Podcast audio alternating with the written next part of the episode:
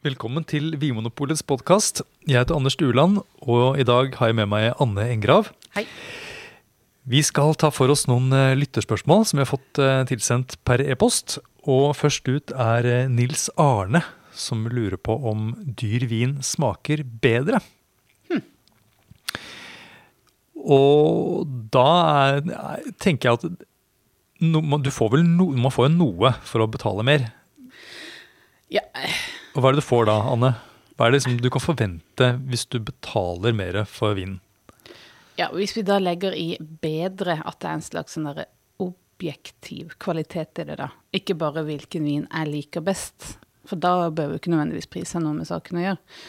Men eh, eh, en, en god vin, tenker jeg, handler om en lang ettersmak og sammensatte aromaer. Og jo mer du betaler, så skal du jo da teoretisk sett få mer konsentrasjon. Altså den lange ettersmaken og den derre mm, Skal vi si tettpakka smaken, kanskje.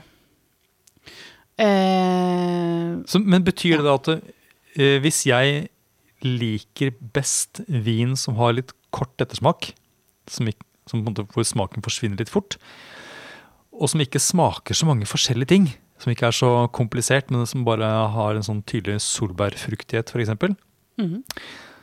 så er ikke den gode vinen den dyre vinen for meg. Det stemmer. Da er jeg litt mer billig i drift, på en måte. Det er veldig greit. Da slipper jeg billig unna. For hvis det er god vin for den, da smaker billig vin bedre. Mm. Ja. Men hvorfor er det sånn at eh, Eller hvorfor blir de, da, de dyre vinene mer konsentrerte og mer komplekse eller mer sammensatte? Altså, det eh, krever jo mer arbeid å få druene i den tilstanden som gjør, den, som gjør det mulig at det kan bli en vin som er eh, konsentrert og sammensatt. Ja, slags... Det er vel et korte, korte trekk. ja, hva slags tilstand snakker vi om da? At de er så det glad druer? ja. Har oppnådd sitt potensial. Nei, det må jo være optimal modning. Og da er det gjerne sånn at du må kanskje ofre noen druer på planten på veien, sånn at du får eh, mindre antall druer per plante. Eh, og så må du kanskje ta en sjanse, sånn at du lar den ute, at de lar de henge ute såpass lenge at de kanskje blir eh, tatt av høststormen, eller plutselig får et eller annet sykdomsangrep Ja. som gjør at du mister en del. Altså, altså det er mye risiko involvert altså. Og- Og så skal du behandle dette på skånsom og kunnskapsrik måte. Ja, så det er sånn, de, de produsentene løper kanskje en, en, eh, en risiko, og avkastningen er lavere. Og så er det vel ofte sånn at disse vinmarkene eh, gjerne ligger i sånne skråninger og sånt, hvor det er, liksom, det er Du kan ikke kjøre traktoren oppi der. Det er mer håndarbeid, rett og slett. Eh, Ja. Det er mer arbeid involvert for å få disse spesielt gode druene. Uh, ja. ja Mm. altså, jeg husker at jeg for et års tid siden så var jeg på produsentbesøk hos noen i Østerrike. Eh, og der eh, smakte vi litt forskjellige hvitviner. Og da la jeg merke til at eh, noen av vinene var dobbelt så dyre eh, sammenlignet med de andre vinene fra den produsenten. Det var samme type, altså samme druetype, og produksjonsteknikken var den samme også, men vinen var mye dyrere. Og så når jeg da spurte hvorfor er denne vinen dyrere, Mm. og da svarte produsenten at nei, det er fordi at eh, denne vinmarken den ligger oppi sk- skråningene hvor det er sånn vanskeligere å komme til. Det er, altså, det er mer arbeid involvert, rett og slett. Sånn at vi må bare få Det må vi få betalt for. Og det syns jeg jo er egentlig ganske logisk, at det, at det koster mer. Ja, og nå snakker vi jo nettopp om at eh, sånne skråne vinmarker og håndarbeid og slikt, at det gir, i hvert fall i teorien, en bedre vin. Ja. Men det er jo ikke alltid sånn. Og jeg bare tenker den der, denne logikken som produsenten hadde, om at han skulle bare få betalt for arbeidet han utfører. uh, eh, han, han svarte ikke med å si at uh, jo, denne vinen er bedre. Det var jo ikke det han sa til meg. Han sa bare at jeg har jobbet mer. Så jeg tenker at selv om vi, vi forventer jo at en vin, og jeg vet at de, altså dette dommerpanelet, SPI, som jobber med tilbudsprøvene her i Vinpolet, de eh, forbereder seg før smakingene. Og hvis, det er, hvis vi skal smake vin som er relativt dyr, så forventer jo de eh, gjerne høyere konsentrasjon og mer kompleksitet. Akkurat de samme tingene som du sa.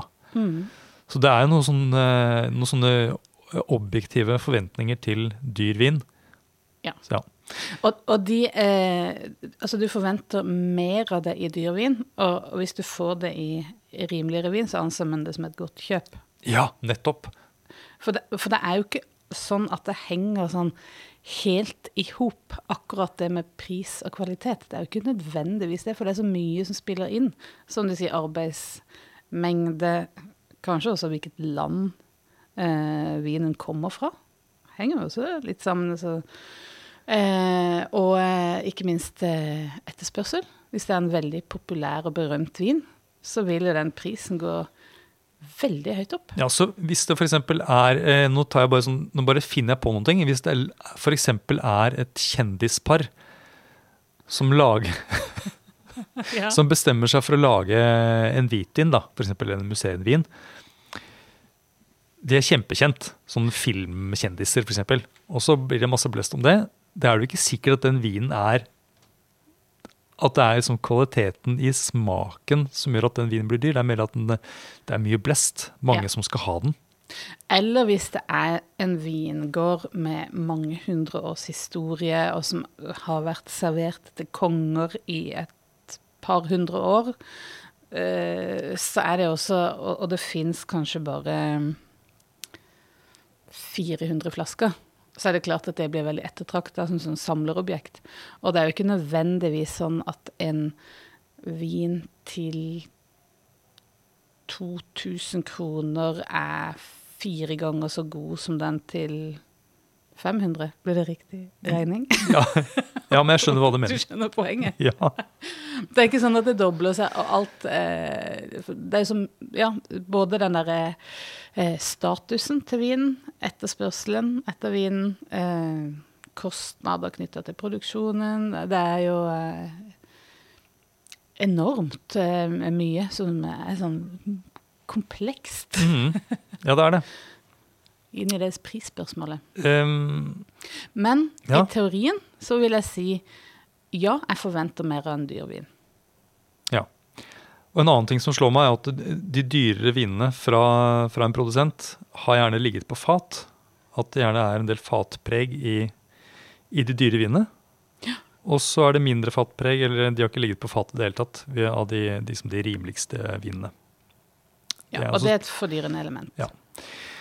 Eh, noe annet om det med dyr Altså, hva Fins det, eh, det noen billige Nå snakker jeg sånn generelt.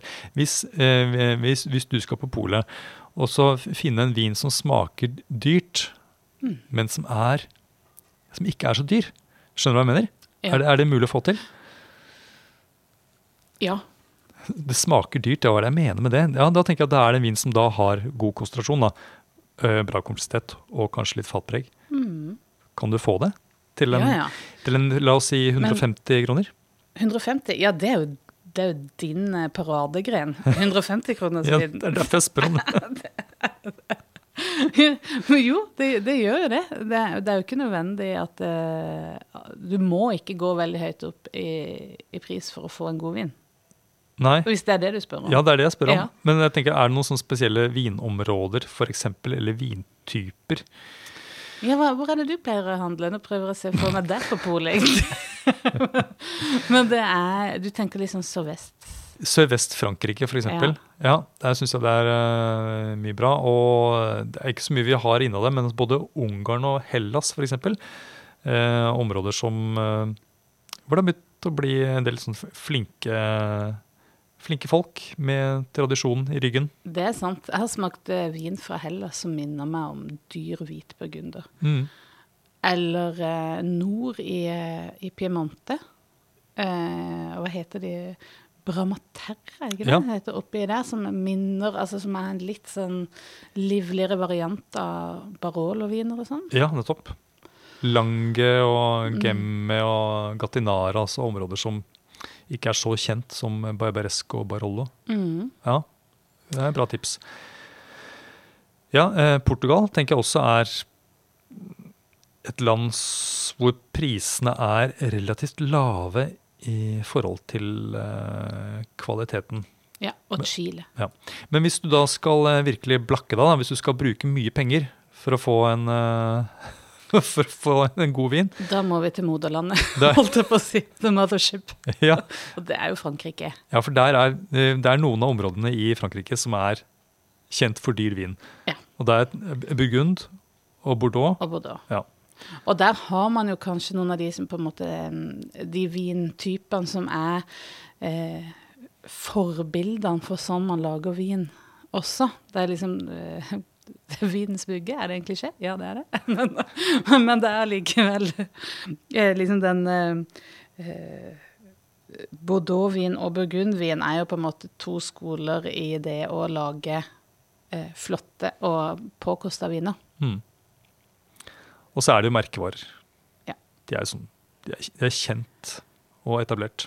Ja. Og de har klart på genialt vis å knytte det til akkurat det stedet der Mm. vokser. vokser.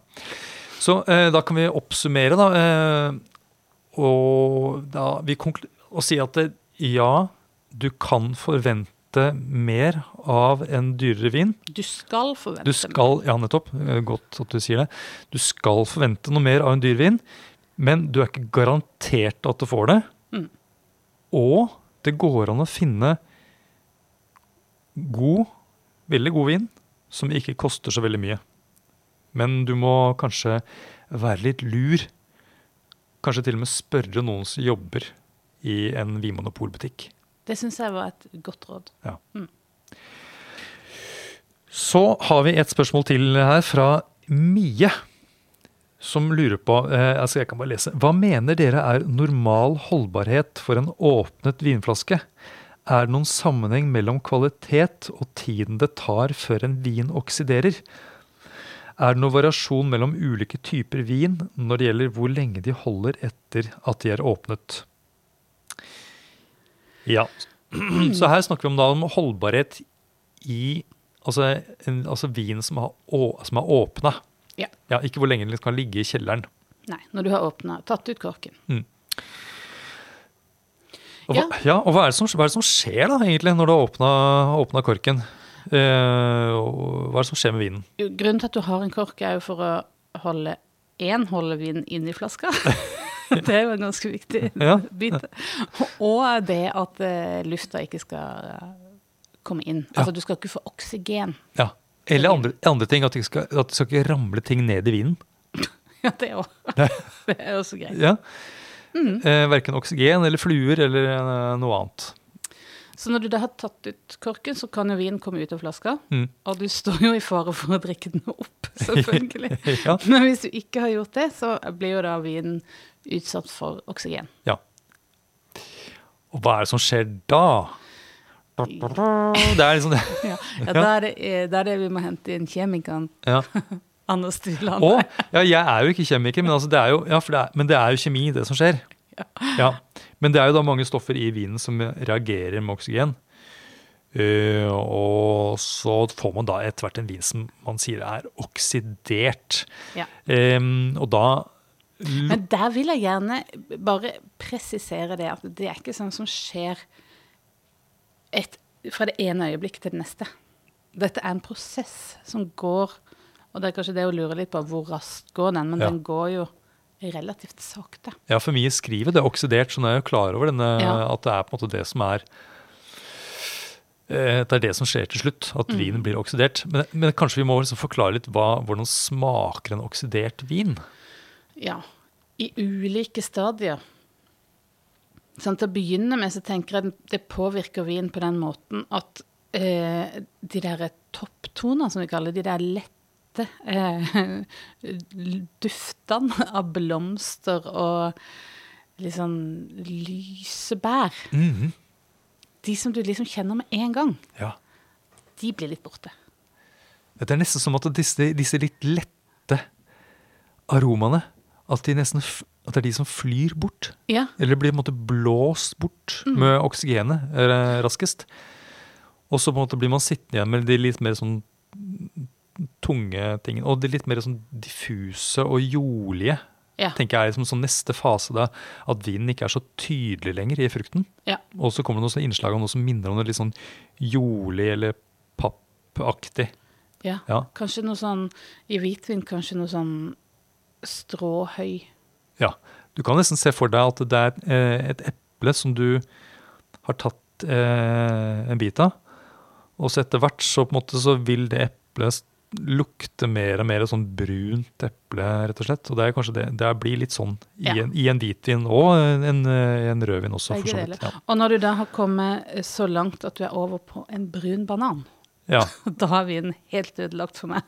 ja. Da er det ingenting igjen av det den opprinnelig var, og, og du har ikke fått erstatta det med noe som er noe særlig verdifullt. Nei. Så da, da oser vinen av brun banan, og brun banan det regner med at det er noe som de fleste har eh, vært borti.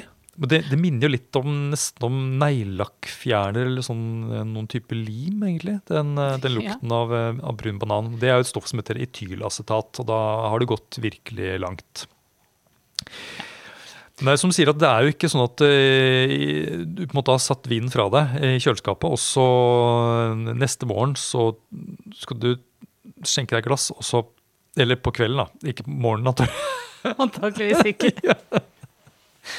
Ikke at jeg skal legge meg opp i det, men eh, eh, neste kveld da, så tar du skjenker de deg et, et glass denne vinen, og det er ikke sånn at plutselig har den blitt oksidert. Nei. Nei, det, det går sakte, men sikkert. Men Ja. hvor sakte går det? Ja, for det er vel det hun egentlig lurer på. Og, og her er det flere måter å svare på, for du kan jo bruke den der eh, boklærdommen.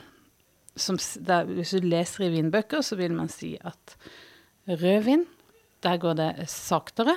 Ja, Og eh, jeg husker fra eh, da jeg jobba på restaurant, at etter eh, tre-fire dager så, var, så kasta vi den åpna rødvinen. ja Selv om den sto i vinskap. og, da, og dere lukta ikke på den? Sånn som at man lukter på melka. Er den, har den gått ut på dato? Jo, men da antok jeg bare at jeg ikke skjønte at den var dårlig. Mm. Hvis du forstår hva jeg mener. Men nå som du har blitt voksen, holdt på å si Nå skal det veldig mye til før jeg tenker at denne vinen har stått åpen for lenge. I hvert fall hvis det er sånn til liksom personlig bruk. Og altså, om det er ikke helt sånn superfine nyanser, kanskje ikke så farlig. Så jeg kan fint la en rødvin stå en uke i kjøleskap. Ja. Åpne den ene helga, ta slutten neste helg. Og jeg har vært oppe i to uker, faktisk. Mm. Og, jeg, og jeg tror nok at hvis jeg hadde fått eh, en nyåpnet eh, versjon av den samme vinen i et glass, og den som har stått i to uker, så ville jeg nok ha merket forskjell på de to vinene. Ja. Men at eh, det hadde blitt så stor forskjell at det ikke var noe, noe spennende eller gøy å, å, å smake på den vinen lenger, det er jeg ikke så sikker på. Og, og, og kanskje dette handler litt om at du, hvis du er litt åpen for den, den utviklingen som skjer, da, Mm. så, så kan det være greit å la vinen stå åpna i, i, i to uker. Den, den, blir ikke, den blir ikke ødelagt på, på to uker. Nei. Men jeg tenker det er ganske viktig å sette den i kjøleskapet. For du forsinker den utviklinga ganske mye ved å sette den kaldt. Og det er et godt poeng. Det går mye, mye raskere på kjøkkenbenken. Ja. Så putt gjerne også korken oppi igjen. Mm. Ja, I kjøleskapet. Rett i kjøleskapet. Og hvis du syns den er gått så langt da, at du tenker at nei, nå var den ikke, dette var ikke noe godt lenger, så ikke kast den ut. La den fortsette. Da kan du faktisk bare ha den på kjøkkenbenken og putte den oppi mat. Ja. Altså ikke brødskivene. Sauser og gryter og Risotto. risotto og alt, eh, alt blir jo nesten bedre med litt vin. Uh, Godt poeng. Men så er det jo uh, det er noen viner som kanskje holder seg bedre enn andre etter at de åpner seg. Og jeg, og jeg på en måte øh, Hva er din erfaring? Har du vært Altså, hvor kort tid har en vin vært åpen før den har blitt merkbart mye dårligere? Hva er det liksom det korteste du har vært borti? Korteste tiden? Um, jeg har opplevd faktisk at jeg har åpna en rødvin som har endra seg i glasset. I glasset? I glasset. Men det var nok en veldig ustabil vin i utgangspunktet. Eh, Fordi at i første eh, slurk var liksom fruktig og overtoner av disse blomstene og, og lysebæra. Og så plutselig så endra den helt farve og gikk veldig mye mer over til sånn Nesten litt mer sånn eddik og fjøs på veldig kort tid. Og, og hvor lang tid snakker vi da? Noen timer En time, kanskje. En time. Så var på en måte han endret personlighet fullstendig. Ja, Men det er et unntak. Og da lurer jeg nok på om det var noe rart i den flaska. Ja. Eller kanskje med hele vinen. Så da er vinen på en måte Den er liksom akkurat på et sånt vippepunkt i den der, hvordan den kjemiske sammensetningen i vinen er. At det er mange, ting, mange av disse stoffene som er De skal ikke så mye til før de eh, reagerer med andre stoffer, eller at de reagerer med oksygenet. Ja. Og da kunne du se det på farven til og med. ja, Hva skjedde med fargene? Den gikk fra å være rød til å bli brun. Jøss. Ja, det var veldig sprøtt. Ja, for det er, jo Det var fascinerende. det er jo også et tegn på at en vin er utviklet, eller at den har fått en del oksygen, er jo det at den er er liksom har fått brunskjær, rett og slett. Ja, både rødvin og hvitvin. Um, ja, og så har, vi, snakket om at noen viner kan da holde i, i, i to uker. og sånt. Vi, vi har gjort en test på eh, Som du sikkert husker, den der eh, testen vi gjorde med portvin. Ja. Der vi Varer jula helt til påske? Nettopp, det var spørsmålet. Varer julen helt til påske? Eh, og vi åpnet da eh, portvinstyp, forskjellige portvinstyper. Eh, vanlig vintage eh, og gammel vintage og noe som vi kaller for Tony portvin. Altså det er portvin som har ligget lenge på, på fat før de er tappet på flaske. Og det vi fant ut, var jo at for noen av disse vinene så varer jo faktisk jula helt til påske. Ja. De smakte jo nesten det samme eh, flere måneder senere. Ja, for da, da og smakte vi jo disse vinene før jul, og så gjorde vi grundige smaksnotater. Så fikk vi ikke se de smaksnotatene igjen før vi gjorde da de samme smaksnotatene igjen før påske. På de samme vinene som hadde stått åpne i vinskap. Nettopp. Og vi smakte det blindt. Vi smakte det blindt. Ja. Og det, det var De hadde holdt seg kjempefint. ja. Og så vidt jeg husker, så var det disse Tony-portvinene som kanskje hadde holdt seg Ja, best. det er, de jeg, det er de jeg husker når vi Mm. snakker om det. Men vi smakte jo selvfølgelig sånn vintage-type og sånn også. De hadde kanskje De var ikke like imponerende til påske som de var til jul. Nei. Nei, de hadde mer av den der frukten i begynnelsen, og så gikk det mer mot dette, dette jordlige. Mens disse Tonyene var mye mer stabile på en eller annen måte. De, de forandret seg ikke så mye. Nei, for de har jo allerede mista frukten sin, på en måte, i, når de har ligget på fat. Ja, for det som skjer på fatet, da er jo denne oksidasjonen. Så de, det er mange av disse stoffene som kanskje reagerer litt lett med oksygenet. De har allerede reagert. Ja. Eh, og da skjer det ikke så mye etter at flaska er åpna. Sånn, Madeira for eksempel, er jo et sånt kroneksempel på akkurat dette her. Og jeg tenker at Sånn er det også for noen vintyper, og kanskje spesielt noen rødvinstyper, som- hvor det på en måte, vinen ligger en stund på fat. Eh, Rioja Reserva, Gran Reserva. Um, det er noe sånn Brunello de Montalcino. Det er en del mm. sånne eh, vintyper hvor det er, måte er et krav om at det skal ligge på fat. Og jeg tenker at det er viner som er mer holdbare etter at de har åpna også. Med mindre de er blitt veldig gamle. Ja. ja, for når en vin er blitt veldig gammel, Ja, så er den liksom lettere å vippe av pinnen nettopp. når etter den er åpna. Ja. Og, og det er vel også sånn som står i vinlitteratur, at eh, har du en skikkelig gammel og utvikla vin, så anbefales det nesten ikke også eh, dekantere den engang. Bare helle den rett i glasset. Fordi eh, denne, at det, skal så lite til før vinen liksom eh, bikker over. Men her snakker vi da om virkelig, virkelig gammel vin. Ja. Og hva betyr det? Er det sånn 70-80-tallet, liksom? I noen tilfeller. Ja, og noen ganger enda eldre. 30-40 år, ja. Ja. Mm. Men jeg tenker grunnen til at man ser, eh, har sett i hvert fall kanskje, at uh, portvin, gammel, gammel vintage portvin blir dekantert, det er jo ofte bare for å få vekk For da har det begynt å slippe ut sånne sedimenter og for mye bunnfall. Så Ja. det er bare for å bli kvitt det. Det er jo ikke for å lufte vin. Når den er gammel, så skal den ikke luftes. Nei. Men jeg tenkte på det du sa, at eh, f.eks. Eh, Rioja Gran Reserva, de som har ligget lenge på fat, tåler oksygen. bedre. Det tenkte jeg på nå. Det er nesten som en slags vaksine. For de har blitt liksom introdusert for bitte lite grann oksygen gjennom den fartlagringa. Og med det blitt mer motstandsdyktig for luft. Ja, Var det et godt bilde? ja, det er et godt bilde. Men, og samtidig bare sånn for å eh, motsi meg selv, da. Så Ja. tenker jeg at det er også noen viner som eh, har godt av å få litt luft og få litt oksygen. Og det er gjerne de vinene som ikke har lidd på fat. Eh, og det er viner som vi kaller for reduktive, altså som har det der sånn innslagene sånn, alt fra sånn brent hår til noe nesten sånn kål og eh, egg aktig Eh, og det er sånne aromaer som gjerne liksom lufter seg litt av eh, etter en stund. Mm. Og så kommer det liksom litt mer frukt fram i, i vinen. Og det er jo nettopp sånne viner som jeg tenker har godt av å komme en runde i, i karaffelen eller eh, et, et eller annet, en eller annen beholder. Ja. Mm.